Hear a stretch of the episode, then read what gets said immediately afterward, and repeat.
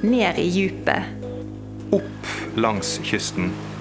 Og ut i storhavet. Havpodden, en HI-podkast. Man vet jo at olje er giftig. Alle som har fylt bensin, har jo sniffet det og skjønner at det, det her er ikke godt for deg. Jeg heter Elin Sørhus, jeg jobber på Havforskningen. Og jeg jobber med oljeforurensning og hva oljeforurensning gjør med fisk. Det er viktig å vite hvordan olje påvirker fisken, fordi vi holder jo på med oljeutvinning i havet, og der bor jo også fisken. Inne på laben til Elin så ser du noen store grønne kar. Oppi her har hun fiskeegg og fiskelarver, og så tilsetter hun bitte litt olje i vannet. Etter en viss tid så kan hun ta disse eggene eller larvene opp av karet og ta mange forskjellige prøver av dem for å sjekke hva helsa de har.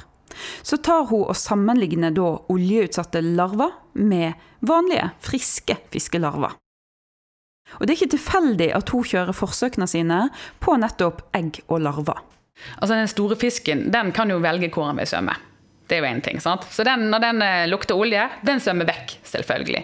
Mens fiskeegg og larver de flyter bare rundt i, i vannmassene. Og, og, på en måte tar der som strømmen tar de, om det er inne i et oljefelt eller eh, vekk fra oljefeltet, for den saks skyld. Og det andre er jo selvfølgelig de er under utvikling. Ja, for du vet jo at gravide de skal jo ikke drikke alkohol, de skal ikke spise, spise myggost og sånne ting. For det, da kan det jo rett og slett gå dårlig. Du får skavanker, og du får død og, og sånne ting. Og det samme gjelder jo med fiskebarna våre òg. De er under utvikling, og da kan du ved å påvirke ulike prosesser, kan du stoppe dem, kan endre dem, og gjøre at du får deformiteter og feil og mangler som gjelder senere i livet. Så hva er det Elin og hennes kollega har funnet ut? Jo, blir det for mye olje, så dør fisken. Men det skal bare litt olje til før fiskebarn får skader som en kanskje ikke ser, men som likevel er svært alvorlige. Vi ser at olje spesielt påvirker signaler i hjertet. Og klart det, hvis du endrer hjertefunksjonen, så vil jo det få konsekvenser for mange andre ting senere i livet. Gjerne ikke i begynnelsen, men mye senere, når du skal oppføre deg på en viss måte når du skal pare deg, eller når du skal svømme vekk fra han andre fisken som vil ta deg. Altså, du trenger å se, du trenger å kunne svømme, du trenger å ha en atferd som er skikkelig. Og hvis du har tullet bitte lite grann med hjertet ditt, med nervesystemet, med hjernen, sant? hvordan du tar opp ting, og med øynene, sant? så er du litt svakere, rett og slett. Det viser seg òg at det ikke bare er den fysiske helsa til fisken som blir påvirka. Fisken endrer nemlig òg oppførsel. Du ser at det, ja, ok, de har fått olje, men så lite at du ikke ser det sånn på dødelighet eller noen ting. Mens når du tester de, deres atferd, så har de annerledes atferd. Og atferd er forferdelig viktig i naturen når du har en veldig streng utvelgelse. Så det er viktig å være sterk i fiskeverden så er det jo sånn at dere har jo undersøkt mange forskjellige fisker. Ja. Eh, og skrei og polartorsk og Sei og kveite. kveite og, ja. Jeg har vært innom veldig mange arter og sett på hvordan de reagerer. Er det sånn at uh, fisk og olje uh, at, at alle reagerer likt? Nei.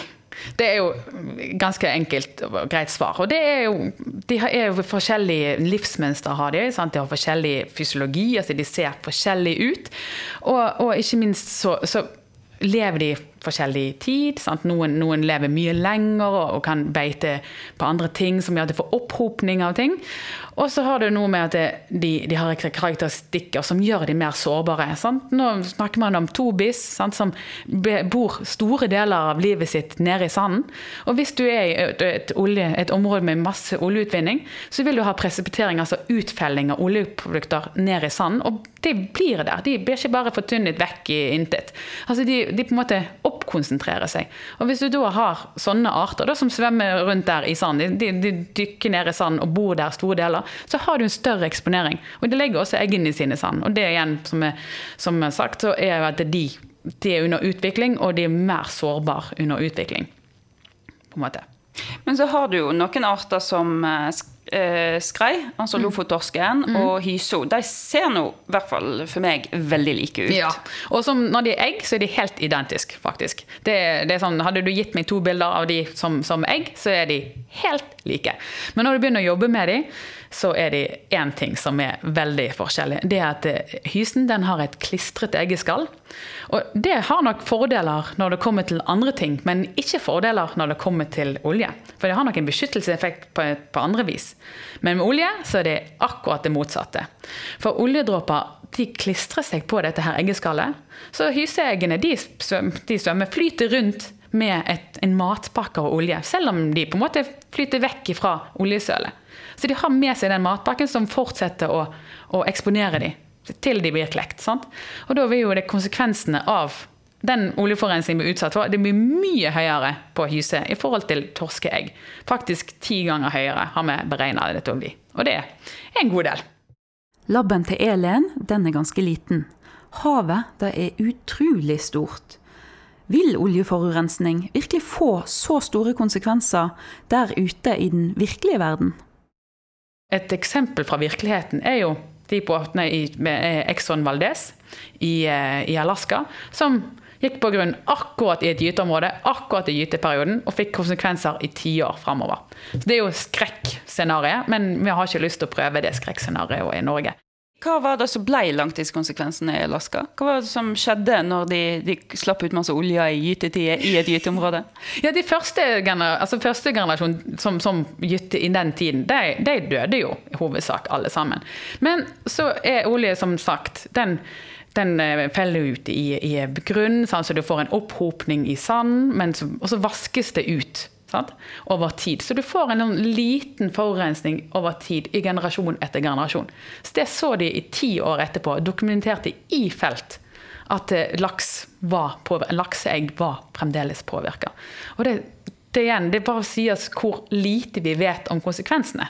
Sant? Og de har igjen litt dårligere hjerte, ser litt dårligere, svømmer litt saktere. Litt mindre sjansen for å overleve i den harde verden, som er ganske streng. For å kunne si noe om hva konsekvenser et mulig oljeutslipp får i et bestemt område, må forskerne gjøre en risikovurdering. Og for å kunne vurdere risikoen, så må de ha riktig kunnskap i bånn. Vi må ha kunnskap om hvordan fisken blir påvirka. Vi må ha kunnskap om hva i oljen som påvirker fisken, og ikke minst hvor mye. For Vi er nødt til å ha all den kunnskapen for på mer riktig måte kunne forutse hva som skjer ved et oljeutslipp, men da langtidseffektene spesielt. For det er det som egentlig er den store konsekvensen. Det som dør med en gang, det ser vi. Men det langtidseffektene, er det bærekraftig? For jeg har i hvert fall lyst til å spise fisk også om ti år. Havpodden er en podkast fra Havforskningsinstituttet. Jeg heter Stine Hommedal og jobber her. Teknisk produksjon og lyddesign var det Febril Film som sto for. Og du, du hører snart igjen.